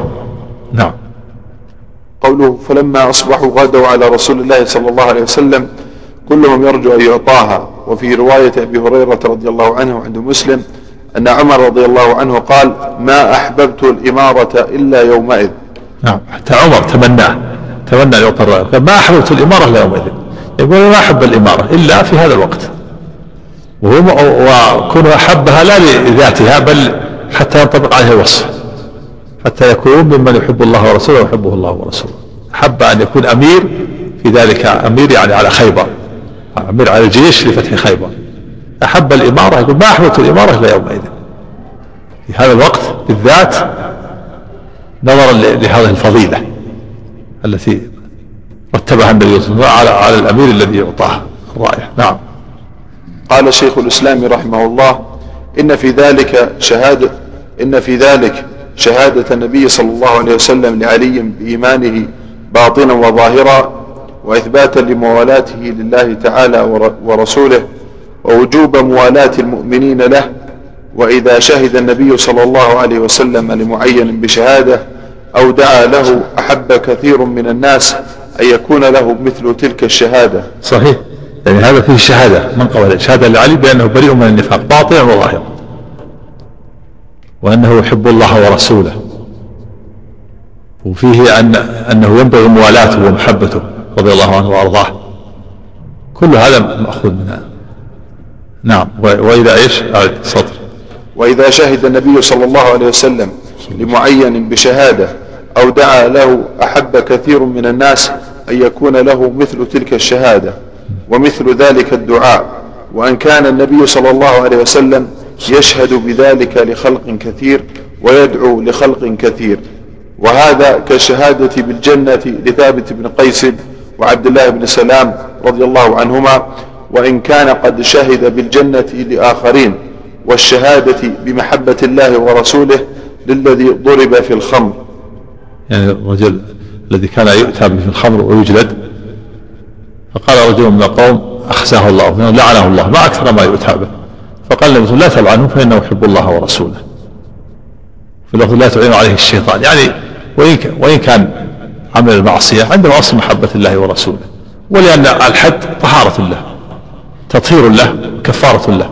فلا ينبغي أن يجمع بين الأمرين بين الحد وبين اللعنة. نعم. قوله فقال أين علي بن أبي طالب؟ فيه سؤال فيه سؤال الإمام عن رعيته وتفقد أحوالهم. قوله فقيل هو يشتكي عينيه أي من الرمد كما في صحيح مسلم عن سعد بن أبي وقاص رضي الله عنه فقال ادعوا لعلي فأتي به أرمد الحديث. وفي نسخة صحيحة بخط المصنف فقيل هو يشتكي عينيه فأرسل إليه مبني للفاعل. فأرسل إليه. فأرسل إليه. أرسل إليه النبي صلى الله عليه وسلم. فقيل هو يشتكي عينيه فأرسل إليه مبني للفاعل وهو ضمير مستتر في الفعل راجع إلى النبي صلى الله عليه وسلم. ويحتمل أن يكون مبنيا لما لم يسمى فاعله. ولمسلم من طريق إياس ولمسلم من طريق إياس بن سلمة عن أبيه قال فأرسلني إلى علي فجئت به أقوده أرمد. قوله شدة, بشدة الرمد نعم. قوله فبسط بفتح الصاد أي تفل قوله ودعا له فبرأ هو بفتح الراء والهمزة أي عوفي في الحال عافية كاملة كأن لم يكن به وجع من رمد ولا ضعف بصر. بارك قف على قوله في البصر يعني وفق الله الجميع. رزق الله الجميع. اللهم صل وعلى آله وصحبه ومن والاه قال المؤلف رحمه الله قوله فبصق بفتح الصاد أي تفل قوله ودعا له فبرأ هو بفتح الراء والهمزة أي عوفي في الحال عافية كاملة. يعني الرسول لما بصق في عين علي وهذا من آيات الله وقدرته العظيمة. نعم. إنما أمره إذا أراد شيئا أن يقول له كن فيكون. وهو من علامات النبوة وداعي النبوة ولهذا قال فيه إثبات الشهادتين. نعم. أي عوفي في الحال عافية كاملة كأن لم يكن كأن لم يكن به وجع من رمد ولا ضعف بصر. وعند الطبراني من حديث علي فما رمدت ولا صدعت منذ دفع النبي صلى الله عليه وسلم إلي الراية. وفيه دليل على الشهادتين. في دليل على شهادة لا إله إلا الله حيث أن الله تعالى أبرأه في الحال. ودليل على أن الله تعالى هو هو المعبود بالحق لما له من الصفات العظيمة والقدرة العظيمة. وفي إثبات شهادة أن محمد رسول الله حيث أن الله أبرأه من, من تفلته في الحال. دل على أنه أن هذه معجزة من معجزاته عليه الصلاة والسلام. نعم. قوله فأعطاه الراية قال المصنف رحمه الله تعالى فيه الإيمان بالقدر لحصولها لمن لم يسعى ومنعها عمن سعى. صحيح. اللي يكون ليلتهم كل ليل يطلبونها ما جاءت. وعلي الأرمد مكان في مكان بعيد طلب إياه نعم. وفيه أن فعل الأسباب المباحة أو الواجبة أو المستحبة لا ينافي التوكل. فمن ذلك من كون الصحابة يدكون ويخوضون ويتطلعون لها. هذا من فعل الأسباب نعم. قوله فقال انفذ على رسل كذلك أيضا آه، كون النبي صلى الله عليه وسلم في عين علي. هذا من الأسباب نعم. قوله انفذ قوله انفذ على رسلك بضم الفاء أي امضي ورسلك بكسر الراء وسكون السين أي على رفقك من غير عجلة وساحتهم فناء أرضهم وهو ما حولها. ساحتهم فناء فناء أرضهم وهو نعم. ما حولها. نعم. وفيه الأدب عند القتال وترك العجلة والطيش والأصوات التي لا حاجة إليها. وفيه أمر الإمام عماله بالرفق من غير ضعف ولا انتقاض عزيمة كما يشير إليه قوله, قوله حتى تنزل بساحتهم.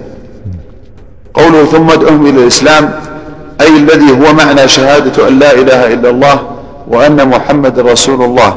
وإن شئت قلت الإسلام شهادة أن لا إله إلا الله وأن محمدا عبده ورسوله وما اقتضته الشهادتان من إخلاص العبادة لله وحده وإن شئت قلت. وإن شئت قلت الإسلام شهادة أن لا إله إلا الله وأن محمدا عبده ورسوله وما اقتضته الشهادتان من إخلاص العبادة لله وحده وإخلاص الطاعة له ولرسوله صلى الله عليه وسلم. اللهم صل وسلم. ومن هنا طابق الحديث الترجمة كما قال تعالى لنبيه ورسوله صلى الله عليه وسلم قل يا أهل الكتاب تعالوا إلى كلمة سواء بيننا وبينكم ألا نعبد إلا الله ولا نشرك به شيئا ولا يتخذ بعضنا بعضا أربابا من دون الله فإن تولوا فقولوا اشهدوا بأننا مسلمون. نعم الإسلام يطلق يشمل الأعمال الظاهرة والأعمال الباطنة. يدعوهم إلى التوحيد والالتزام والانقياد للشرع. نعم. من فضلك اقلب الشريط.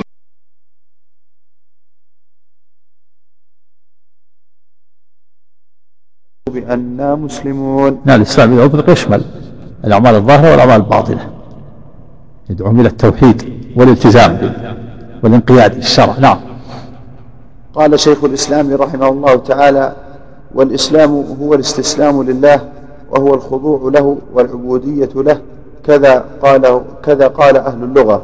نعم. وقال رحمه الله تعالى ودين الإسلام الذي ارتضاه الله وبعث به رسله هو الاستسلام له وحده فأصله في القلب فأصله في القلب والخضوع له وحده بعبادته وحده دون ما سواه. نعم خضوع بالقلب وانقياد وانقياد في الظاهر. استسلام وانقياد نعم. فمن عبد, فمن عبده وعبد معه إلها آخر لم يكن مسلما ومن استكبر عن عبادته لم يكن مسلما. وفي الأصل هو من باب العمل عمل القلب والجوارح وأما الإيمان فأصله تصديق القلب وإقراره ومعرفته فهو من باب قول القلب المتضمن عمل القلب. انتهى. نعم أصل فتبين أساس الإسلام هو خضوع خضوع القلب وانقياد. انقياد الجوارح. وأصل الإيمان التصديق والإقرار إقرار القلب المتضمن لعمل القلب. والإسلام خضوع القلب المتضمن لعمل الجوارح. والخضوع في القلب يتضمن انقياد الجوارح. والإيمان تصديق وإقرار في القلب يتضمن أعمال القلوب. نعم. فتبين أن أصل الإسلام هو التوحيد ونفي الشرك في العبادة وهو دعوة جميع المرسلين. فتبين. فتبين أن أصل الإسلام هو التوحيد ونفي الشرك ونفي الشرك في العبادة وهو دعوة جميع المرسلين وهو الاستسلام لله تعالى بالتوحيد والانقياد له بالطاعة فيما أمرهم به على ألسن رسله كما قال تعالى عن أول رسول أرسله أن اعبدوا الله واتقوه وأطيعون. وفيه مشروعية الدعوة قبل القتال لكن إن كانوا قد بلغتهم الدعوة جاز قتالهم ابتداء. لأن النبي صلى الله عليه وسلم أغار على بني المصطلق وهم غارون وإن كانوا لم تبلغهم الدعوة وجبت دعوتهم. نعم. غارون يعني غافلون وهم غافلون. هذا محل اجتهاد. إن شاء دعاهم مرة أخرى وإن شاء غار عليهم. ما دام بلغتهم الدعوة نعم. قوله وأخبرهم بما يجب عليهم من حق الله تعالى فيه قوله وأخبرهم بما يجب عليهم من حق الله تعالى فيه أي الإسلام. إذا أجابوك إليه فأخبرهم بما يجب من حقوقه التي لا بد لهم من فعلها كالصلوات والزكاة كما في حديث أبي هريرة فإذا فعلوا ذلك فقد منعوا دماءهم وأموالهم إلا بحقها. ولما قال ولما قال عمر لأبي بكر رضي الله عنهما في قتاله مانع الزكاة كيف تقاتل الناس وقد قال رسول الله صلى الله عليه وسلم. أمرت أن أقاتل الناس حتى يقولوا لا إله إلا الله فإذا قالوها عصموا مني دماءهم وأموالهم إلا بحقها. قال أبو بكر فإن الزكاة حق المال. والله لو منعوني عناقا كانوا يؤدونها إلى رسول الله صلى الله عليه وسلم لقاتلتهم على منعها. وفيه بعث الإمام الدعاة إلى الله تعالى كما كان النبي صلى الله عليه وسلم وخلفائه الراشدون يفعلون. كما في المسند عن عمر بن الخطاب رضي الله عنه أنه قال في خطبته ألا إني والله ما أرسل عمالي إليكم ليضربوا أبشاركم ولا ليأخذوا أموالكم ولكن أرسلهم إليكم ولكن أرسلهم إليكم ليعلموكم دينكم وسننكم. قوله فوالله لا يهدي الله بك رجلا واحدا خير لك من حمر النعم أن مصدرية واللام قبلها مفتوحة لأنها لام القسم. ها؟ أن؟ قال أن مصدرية واللام قبلها مفتوحة. لأن نعم. لأنها لام القسم. وأن والفعل بعدها في تأويل مصدر رفع على ابتداء رفع على ابتداء. والخبر خير وحم بضم المهملة وسكون الميم جمع أحمر. والنعم بفتح النون والعين المهملة أي خير لك من الإبل الحمر وهي أنفس أموال العرب. قال النووي وهذا مثال والمراد أن خير من الدنيا وما فيها من باب التقريب. وكانت الإبل الحمر أنفس أموال العرب. والمعنى أنها أن لأن نهدي الله بك رجل واحد خير لك من الدنيا وما فيها. نعم. قال النووي وتشبيه أمور الآخرة بأمور الدنيا إنما هو للتقرب إلى الأفهام. التقريب إيش عندك الياء. التقرب تقريب. نعم. نعم. قال النووي وتشبيه أمور الآخرة بأمور الدنيا إنما هو للتقريب إلى الأفهام وإلا فذرة من الآخرة خير من الأرض بأسرها وأمثالها معها. وخير من الأرض ولا خير من الدنيا. قال من الأرض. طيب نعم. وفيه فضيلة من اهتدى على يديه رجل واحد وجواز الحلف على الخبر والفتيا ولو لم يستحلف ولو لم يستحلف. لبيان تأكيد المقام. فوالله. لا نعم نعم. قال فيه مسائل الأولى أن الدعوة إلى الله طريق من اتبع رسول, رسول الله صلى الله عليه وسلم. نعم. قل هذه سبيل أدعو إلى الله ورسول أنا ومن اتبع. هي سبيل الرسول وسبيل أصحابه. دعوة. نعم. الثانية التنبيه على الإخلاص لأن كثيرا من الناس لو دعا إلى الحق فهو يدعو إلى نفسه. يدعو إلى الله. ما قال إلى الله تنبيه على الإخلاص. يدعو الإنسان إلى إلى الله لا إلى نفسه ولا إلى شيء آخر. نعم. الثالثة أن البصيرة من الفرائض. نعم. لا بد يكون بصيرة العلم. ما يدعو الإنسان على جهل. فرض يكون فرض عليه أن أن يتعلم ثم يدعو. ولا يدعو بجهل. نعم. الرابعة من دلائل حسن التوحيد كونه تنزيها لله تعالى عن المسبة. عن المسبة. نعم. والشرك فيه مسبة الله وتنقص. والتوحيد تنزيه لله عن المسبة. نعم. الخامسة أن من أن من أن من قبح الشرك كونه مسبة لله. نعم. السادسة وهي من أهمها إبعاد المسلم عن المشركين لئلا يصير منهم ولو لم يشرك. يبقى إيش السادسة؟ السادسة وهي من أهمها إبعاد المسلم, إبعاد المسلم عن المشركين لئلا يصير منهم ولو لم يشرك. نعم. ابتعاد نعم. السابعة كون التوحيد أول واجب. لأنه هو دعوة الرسل الرسل دعوا إليه نعم.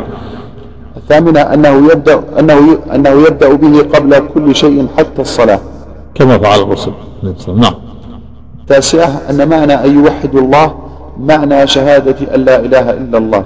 لأنه فسر شريفا بالتوحيد ودل على المراد التوحيد نعم. العاشرة أن الإنسان قد يكون من أهل الكتاب وهو لا يعرفها أو يعرفها ولا يعمل بها. آه. أو يعرفها ولا يعمل بها. لهذا قال النبي لمعاذ إنك في قوم أهل كتاب. فليكن أول ما تدعوهم أن لا اله ولو كانوا يعرفون. نعم. الحادية عشرة التنبيه على التعليم بالتدريج. نعم. هو التوحيد ثم الصلاة ثم الزكاة. نعم. الثانية عشرة الابتداء البداءة بالأهم فالأهم. نعم. يبدأ بالتوحيد ثم ما بعدها. نعم. الثالثة عشرة مصرف الزكاة وأنها تؤخذ من الأغنياء فترد على الفقراء نعم الرابعة عشرة كشف العالم الشبهة عن المتعلم إيه؟ كشف إيش؟ كشف الع... كشف العالم الشبهة عن المتعلم إيه؟ قال واتق دعوة المظلوم فإنه سبيله وبين الله حجاب نعم. الخامسة عشرة النهي عن كرائم الأموال نعم. كشف الشبهة إيش؟ قال كشف العالم الشبهة عن المتعلم. من هو أخذ هذا؟ الفائدة؟ علق عليه ها؟ إيش قال؟ علق عليه الشيخ محمد. شو يقول قال المراد بالشبهة هنا شبهة العلم أن يكون عنده جهل تؤخذ من قوله إن الله افترض عليهم صدقة تؤخذ من أغنيائهم فترد على فقرائهم فبين أن هذه الصدقة تؤخذ من الأغنياء من الأغنياء وأن مصرفها الفقراء. إيش عاد. قال المراد بالشبهة هنا شبهة العلم أن يكون عنده جهل. تؤخذ من قوله إن الله افترض عليهم صدقة تؤخذ من أغنيائهم فترد على فقرائهم. فبين أن هذه الصدقة تؤخذ من الأغنياء وأن مصرفها الفقراء. صحيح؟ وكذلك قوله لو اتق دعوة المظلوم فإنه ليس بينهم الله حجاب. أيضا في كشف شبهة لكن بس أتى بها هذه بعدها. نعم. الخامسة عشرة النهي عن كرائم الأموال. السادسة عشرة اتقاء دعوة المظلوم. نعم. السابعة عشرة الإخبار بأنها لا تحجب. دعوة المظلوم. نعم. الثامنة عشرة من أدلة التوحيد ما جرى على سيد المرسلين وسادات الأولياء. كم المسائل؟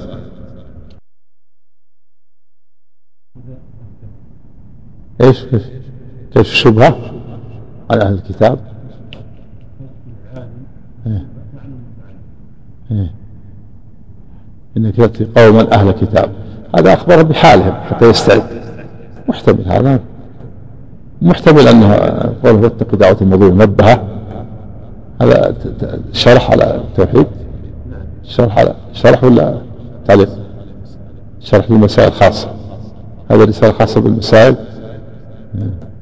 ها؟ إيه. هو عندي بس أنا ما ما قرأت فيه نعم. صلى الله عليك. تكلم عنها الشيخ محمد هنا. قال المراد بالشبهة هنا شبهة العلم أن يكون عنده جهل تؤخذ من قوله إن الله افترض عليهم صدقة تؤخذ من أغنيائهم فترد على فقرائهم. إيش؟ فبين. إيش؟ قول إيش؟ عاد. قال المراد بالشبهة هنا شبهة العلم أن يكون عنده جهل تؤخذ من قوله إن الله افترض عليهم صدقة تؤخذ من أغنيائهم فترد على فقرائهم فبين أن هذه الصدقة تؤخذ من الأغنياء وأن مصرفها الفقراء. إيش عاد قال المراد بالشبهة هنا شبهة العلم أن يكون عنده جهل. تؤخذ من قوله إن الله افترض عليهم صدقة تؤخذ من أغنيائهم فترد على فقرائهم. صار اختلفوا هنا ذكر ذكر في قول أهل الكتاب. وهنا الشيخ هنا يقول يمكن يحتمل أيضا في قوله يتقي دعوة المظلوم. نبهوا عليها.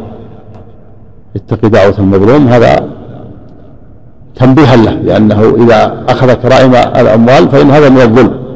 أحذر العقوبه إنها محتمل. هذه الأمور كلها. ها؟ هو المسألة الكلمة الواحدة يأخذ منها الشيخ عدة مسائل. قد يأخذ مسألة الكلمة الواحدة عدة مسائل. كل هذا محتمل. إنك قوم ت- تأتي أهل قوم أهل كتاب كشف الشبهة عنه يعني يستعد له أو آه، كذلك إذا تدرج في الدعوة الأمور. كل هذا كل هذه الأمور فيها كشف. كشف للسائل عن عن الشبهة. نعم. كشف لل لمن أرسله كشف له عن الشبهة. المعاد و- ومثله أيضا من من بعث. نعم. الخامسة عشرة النهي عن كرائم الأموال. نعم. النهي عن كرائم الأموال. السادسة عشرة اتقاء دعوة المظلوم. نعم. السابعة عشرة الإخبار بأنها الله. السابعة عشرة الإخبار بأنها لا تحجب. دعوة المظلوم لا لا تمنع. نعم. ثامنة عشرة من أدلة التوحيد على ما جرى من أدلة التوحيد ما جرى على سيد المرسلين وسادات الأولياء من المشقة والجوع والوباء. ها؟ صلى إيش؟ من أدلة التوحيد ما جرى على سيد المرسلين وسادات الأولياء من المشقة والجوع والوباء. من المشقة والجوع والوباء كذا؟ نعم. قال عنه؟ عندك؟ أي ما حصل لهم يوم خيبر من الجوع ما حصل لعدو من الظلم وهذا يدل على أنه لم يكن يحدث ضرا ولا ولا نفعا ولا دفعا فكيف بغيرهم فلا يصح لهم شيء من العبادة بل لا يكون حقا لله تعالى مم. مم. قريب منها قال محمد. المؤلف رحمه الله يريد الإشارة لقصة خيبر إذ وقع فيها في عهد النبي صلى الله عليه وسلم جوع عظيم حتى إنهم أكلوا الحمير والثوم. وأما الوباء فهو ما وقع في عهد علي رضي الله عنه. وأما المشقة فظاهرة. وجه كون ذلك من أدلة التوحيد أن الصبر والتحمل في مثل هذه الأمور يدل على إخلاص الإنسان يدل على إخلاص الإنسان في توحيده وأن قصده الله. ولذلك صبر على البلاء. أعد المسألة قال من أدلة التوحيد ما جرى على سيد المرسلين وسادات الأولياء من المشقة والجوع والوباء. يعني الصحابة سيد هم الصحابة.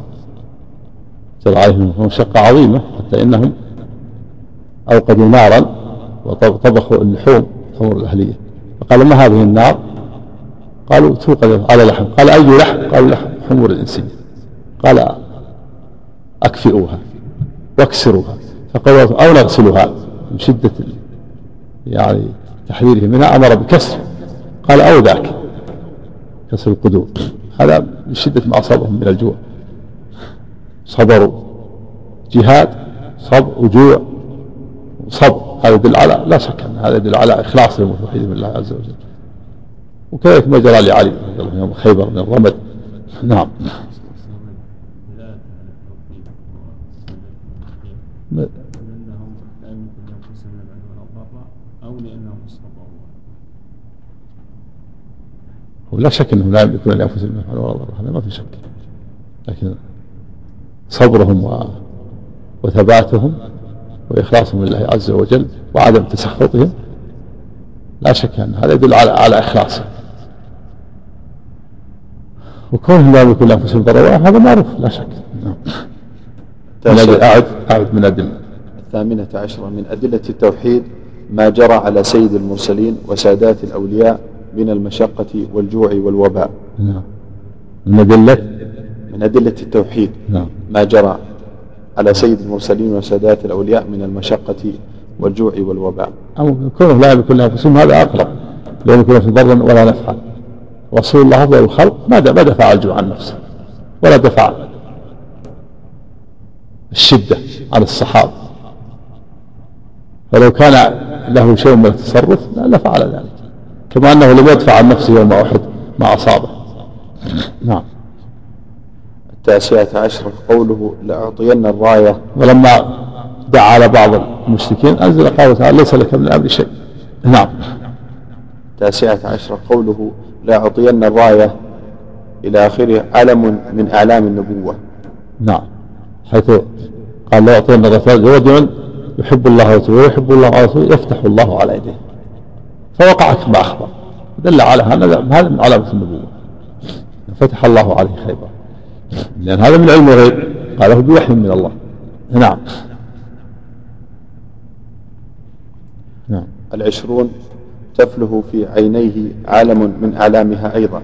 كذلك حيث برأ في الحال من علامة النبوة. تفل ثم برأ في الحال. الرمد معروف يجلس مدة طويلة في الحال برأ ما يحتاج إلى عملية ولا شيء. نعم. ويدعي على شكل الله لا إله إلا الله ودليل على شكل أن محمد رسول الله. دليل على شكل الله لأن الله أبرأه في الحال. ودليل على شكل أن محمد رسول الله حيث أن الله جعل هذا علامة من علامة النبوة فبرأ في الحال. نعم. الحادية والعشرون فضيلة علي رضي الله تعالى عنه. حيث نص النبي عليه بأنه يحب الله ورسوله ويحب الله ورسوله. ومعلوم أن هذا وصف لكل مؤمن لكن كونه نص على شخص بعينه بأنه يحب الله ورسوله ويحب الله ورسوله هذه منقبة خاصة وفضيلة خاصة ولهذا تطلع الصحابة لها. لا حبا في الإمارة بل حبا في هذا الوصف. نعم.